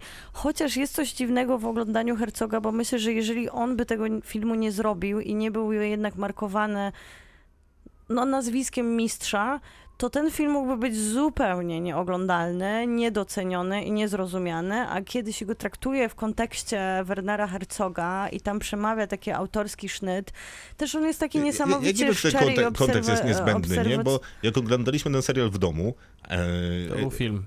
E, film, antologię w domu, Mhm. to tam jest jedna z nowelek e, Pawła Łuzińskiego. Tak. I mimo, że ona jest banalna, on wystawia mikrofon przez okno, Aha. e, ale później to montuje i jest przy okazji świetnym dokumentalistą i filmowcem i to widać i czuć w tych zaledwie 9 minutach. Ale też I to jest przypadek go chyba trochę... po minucie Łozińskiego w, tej, w tym, co tak, zrobił. poznam go po głosie, ale podobnie jest, z tym, podobnie jest z tym filmem Wernera Herzoga. Być może on nie ma tego sznytu hercogowskiego. Ma. No, Okej, m- mówię być może, fajnie, że odnalazłaś, ale to jest bardzo porządne. Jest trochę nudne, ale jak Troszkę się za długie. weźmie w, Za jeszcze długie, pod uwagę... 90 minut. Jakąś, A nadal no, troszkę trochę ma element no, takiego przeciążenia. 10 i nie tak. byłoby problemu. Myślę, że nawet w 60 Te minutach scenki są byłby... jakby trochę powtarzalne, nie? No, Poza tym on ma, on ma też są e, w sobie coś, trzeba takiego chyba ostrzegawczego powiedzieć naszym słuchaczom, że on jest jednak taki dziwny. Nie, to ale nie przede jest wszystkim- opowieść, ale przede wszystkim jest którą- profetyczny bo, Tak, bo prawdopodobnie. my oglądamy, mówimy o tym, że oglądamy jakieś wzruszające historie z pięknym tłem Japonii, ale trzeba pamiętać, że to jest naprawdę dziwaczna produkcja. Co właśnie jest tym chyba e, wyznacznikiem, że jest hercogowska. Być może tak, Bo ale jest jest tam to- też kawał przecież świetnej sceny z rob, hotelem, robotami. hotelem, który jest wypełniony Tak. robotami. To jest bardzo, bardzo pasujące do e, e, Japonii, która przecież Tak. wymyśliła Tamaguchi i wszelkiego rodzaju roboty, które pomagają w życiu, ale też w towarzystwie. No i te roboty, no cóż, to prawdopodobnie jest to, co nas czeka, jak będziemy mieli po 80 lat i nikt nam się nie będzie chciał zająć, to przyjdzie chociaż robot i To przybije teraz piątkę. wystawcie jakieś oceny, bo jak to robimy od zeszłego tygodnia, wystawiamy gwiazdki. E, Ja bym dał temu filmowi 7 na 10. No i ja się pod tym podpisuję.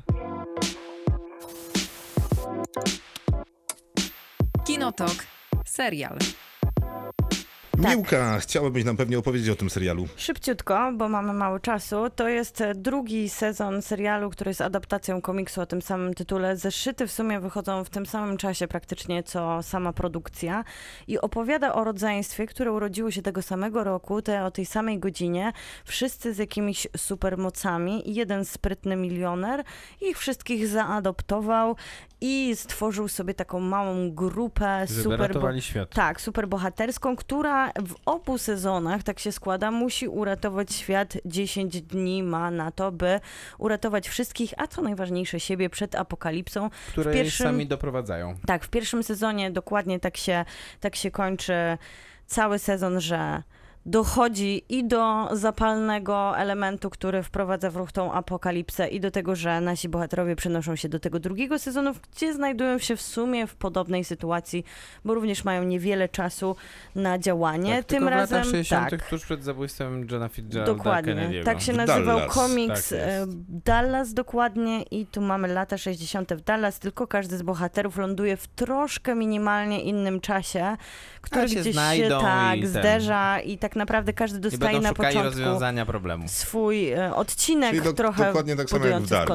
Bo przenoszą się w czasie, tu, tam, a Tylko tam generalnie to apokalipsa. lepiej było. No, no Coś jakby, coś jakby scenariusz lepszy. I tutaj Tak, jeszcze chyba tak. taki pomysł jest poza tym, że to jest super bohaterski serial, że tak naprawdę te ich moce są tłem do terapii rodzinnej, która rozgrywa się na poziomie dwóch sezonów nieudolnie, bo ten scenariusz nie daje przestrzeni Ach. do emocjonalnych rozgrywek między rodzeństwem, ale tak naprawdę to jest główny temat serialu, że oni załatwiają swoją traumę z ukryty. ojcem. Ukryty pod tymi efektami specjalnymi i wybuchami. I pod tymi pod pieniędzmi. kostiumami i wszystkim. Tam jest, Jest taki, du- jeszcze- tam jest taki duży problem, ponieważ y, tam mamy, ile tego rodzeństwa jest? Sześcioro, tak?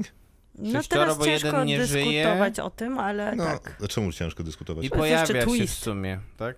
Ale nie róbmy twist. spoilerów. No, no, no, mniejsza z tym, no ale jest ich tam sześcioro, tych podstawowych, którzy mają nas zabawiać i, i oni są trochę tacy jak ten cały serial, bo to może być plus i minus, bo to jest adaptacja komiksu, ale irytuje mnie, jak adaptacją komiksu tłumaczy się to, że ktoś był leniwy i nie chciał mu się pisać czegoś więcej, no bo jak wiemy, można napisać coś więcej. Na są, pewno rozmowy. Są chociaż The Boys, y, którzy są naj, najgorszym z najlepszych przykładów Jest adaptacji Legion. komiksu. Jest Legion, e, czy jest Watchmen, więc można? Można. Można. Tu się nie chciało. No i każda z tych postaci jest tak napisana, e, okej, masz wielkiego gościa, który jest taki strasznie silny i potężny, płacze. to płacze. A jak masz y, takiego gościa, który jest taki super pewny siebie e, i z każdym się chce zmierzyć, to co ma? No problemy z ojcem. Kompleksy. Jak, i, I kompleksy do tego. A I jak masz, masz takiego młodego, to znaczy, że musi być największym Stary. chojrakiem. Tak, i najbardziej ten, wyszczekany. dokładnie. A jak masz taką szarą myszkę i taką niewinną, że y, tylko spytać, czy wszystko To u ma ciebie największe dobrze? moce. I tak jest z każdym z tych rodzeństwa. Tak jest. I na tym ten serial stworzył postaci i taką wewnętrzną y, dynamikę. Y, Której u- nie ma.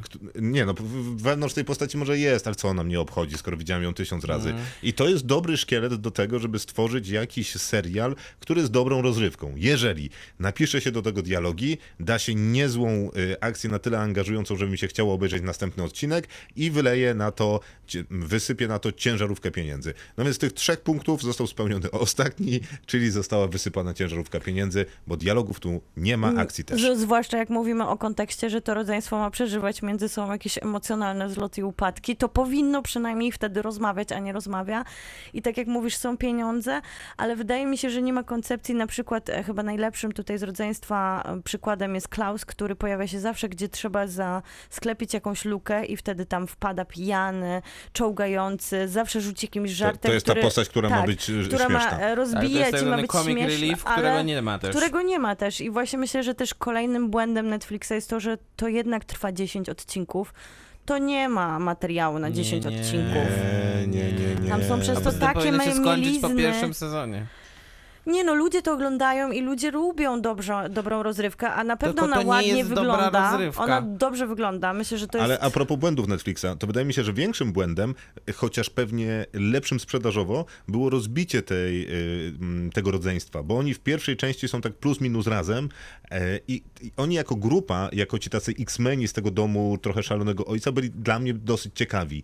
Natomiast te ich pojedyncze losy nic mnie nie obchodzą. Tak, a to Ani oni trochę. zbierają też długo, Tak, żeby, żeby tak, się tak. No spotkać. właśnie, to za długo trwa, to tak, wszystko tak, zdecydowanie za, za długo. długo trwa, bo gdyby może było okroszone jakimś zabawnym dialogiem, jakieś punchline'y by się na nas sypały, ale tu się nie, nic nie, nie, dzieje. ale właśnie to jest wszystko takie dla mnie. y, Ja nie wiem do końca, komu jest dedykowany ten serial, bo tutaj nie ma za bardzo, nie wiem, żadnych, żadnych jakiegoś takiego explicite, nie wiem, nagości czy ym, przeklinania, takich rzeczy, które by doprowadziły, że to jest serial dla dorosłych. A z drugiej strony dla dzieci czy dla osób młodych to będzie zbyt nudne, bo y, tutaj jest za dużo gadania o, o jakichś problemach, których, których, o których tylko też się gada, bo też się ich nie ujawnia, bo one się, są pokazywane w sposób niewiarygodny. Dla mnie to jest po prostu jedna wielka nuda, tylko opakowana rzeczywiście w sposób efektowny, dlatego że wystarczyło na to pieniędzy.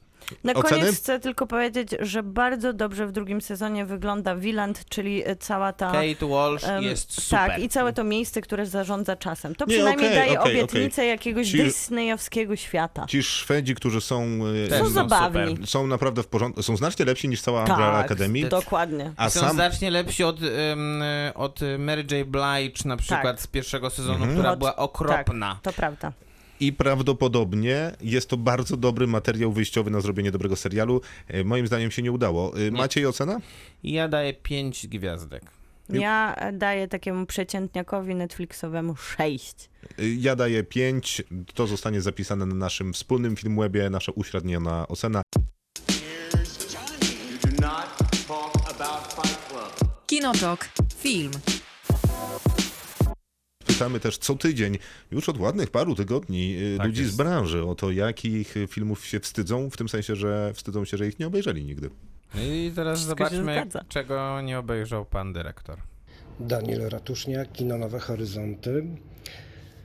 Ech, Filmem, który nigdy nie udało mi się obejrzeć jest Król Lew. 25 lat temu była pierwsza wersja, rok temu była odnowiona, a mnie jakoś cały czas nie po drodze z tym filmem. Może obawiam się tego filmu dlatego, że i dorośli, i dzieci płaczą. Trochę wstyd, bo w sumie na tym filmie kilka pokoleń już się wychowało. Dyrektor Kina Nowe Horyzonty, Daniel Ratuszniak, to jest jednak, to jest jednak niespodzianka. To trzeba No, nieść to ten prawda. wstyd na barkach, jak się człowiek do tego To przyznaje. naprawdę nie to, to, to naprawdę chyba nigdy w życiu nie miał telewizora. No właśnie, a poza tym to nie Nawet jest taki pół, film jak... Pół minuty nie miał tego telewizora. No ale to nie jest jakaś taka, nie wiem, siódma pieczęć, że Nie. mówisz sobie obejrzę, a- nie, obejrzę, mm, nie, Ale jednak nie dam rady. co? No wiesz, to jest miłe obejrzeć Króla Ale Lwa, tego, nawet tego nowego. powiedziawszy, nigdy nie widziałam go w telewizji poza tym, jak widziałam go Czego? w kinie. Króla? Lwa? No? Nigdy nie widziałam, żeby leciał tak przypadkiem w tle. Widzieliście naprawdę tak, No że nie wiem. Myślę, że- na kanapie. Tysiąc razy, Myślę, no, że w- nie nie wiem, no, w 15 razy go W widziałem pewnie. sobotę o 9.30 pewnie się zaczynał seans, O kończył 11 się się o chyba, 11. o 11 się Albo zaczynał o Disney? 13 się kończył No, i tyle, tam, no, no, lecimy, no. nie? Bo to Nie, pół, no nad wyraz godziny. często. Poza tym na kasetach wideo. Na jakiś pierwszy dzień świąt wiecznie leciał, a Tak. kasety wideo to w ogóle osobna bajka. No, czyli udowodniliście, że nie da się przegapić filmu. No nie dało Nie, się. no nie, no absolutnie. To... A może jeszcze nie widział, że ten, że Mufasa zginął. To teraz ja nie powinienem tego mówić. Nie, nie Bo- powinieneś. Może jeszcze ktoś że nie widział jak Króla Dyrektor Lwa. Kina Nowe Horyzonty y, nie widział tego filmu, to mo można założyć, że są też inni ludzie, którzy nie widzieli. I nie wiedzą, kto to jest Mufasa. No na przykład. Ale teraz już wiedzą, że I teraz mówią... teraz już wiedzą, że zginął. Nie, nie, ale teraz I- sobie myślą, ciekawe, że ten ptak zginie. Co ciekawe, y, to wtedy mój tato najbardziej płakał, jak Mufasa zginął. Tak pozdrawiam mojego tatę jak zawsze. Y, O, tutaj, również. tutaj, o tutaj, w tym punkcie studia powiesimy taką tablicę, Jest gdzie tak. będziemy wy- wypisywać e, wspomnienia Macieja A o jego że ojcu. zdjęcie mojego taty. Tak, no to nie? dobrze, dobrze, Ale na tym zdjęcie zdjęciu też będziemy może pisać. być. Tak, oczywiście, oczywiście. Obok listy wstydu, którą mieliśmy też wywiesić, co zresztą e, zrobimy. E, to wszystko na dzisiaj. E, program nazywa się Kinotok, jest też podcastem, a tego podcastu można posłuchać e, wszędzie tam, gdzie słuchają Państwo jakichkolwiek podcastów. mało dzisiaj polecałeś tego, To Krzysztof. prawda, bo jesteśmy absolutnie wszędzie, a nawet ostatnio oznaczył nas Michał Oleszczyk i wrzucił link do naszego podcastu i się zdziwiłem, Tak. bo nie wiedziałem, że tam jesteśmy. Ale również oznaczył nas ostatnio Radek Pisula, którego też pozdrawiamy na swoim tak, Instagramie. tak, Ja to się- odkryłem. Teraz się, ja również, teraz się chwalimy. Że znamy ludzie, ludzi. ludzie nas Znamy oznaczają. ludzi, a ci ludzie te nas. jakościowe rzeczy, więc generalnie Proszę się dobrze też z nimi poznać. z nimi. Tak, oczywiście. E, Więc zapraszamy do subskrypcji na Spotify'u, do e, wyrażania lajków w różnych miejscach. Krzysztof Majewski, dziękuję bardzo. Miłosława Bożek, Maciej Stasierski, dobranoc. zostawiłam ci. Kinotok. Tuż przed wyjściem do kina.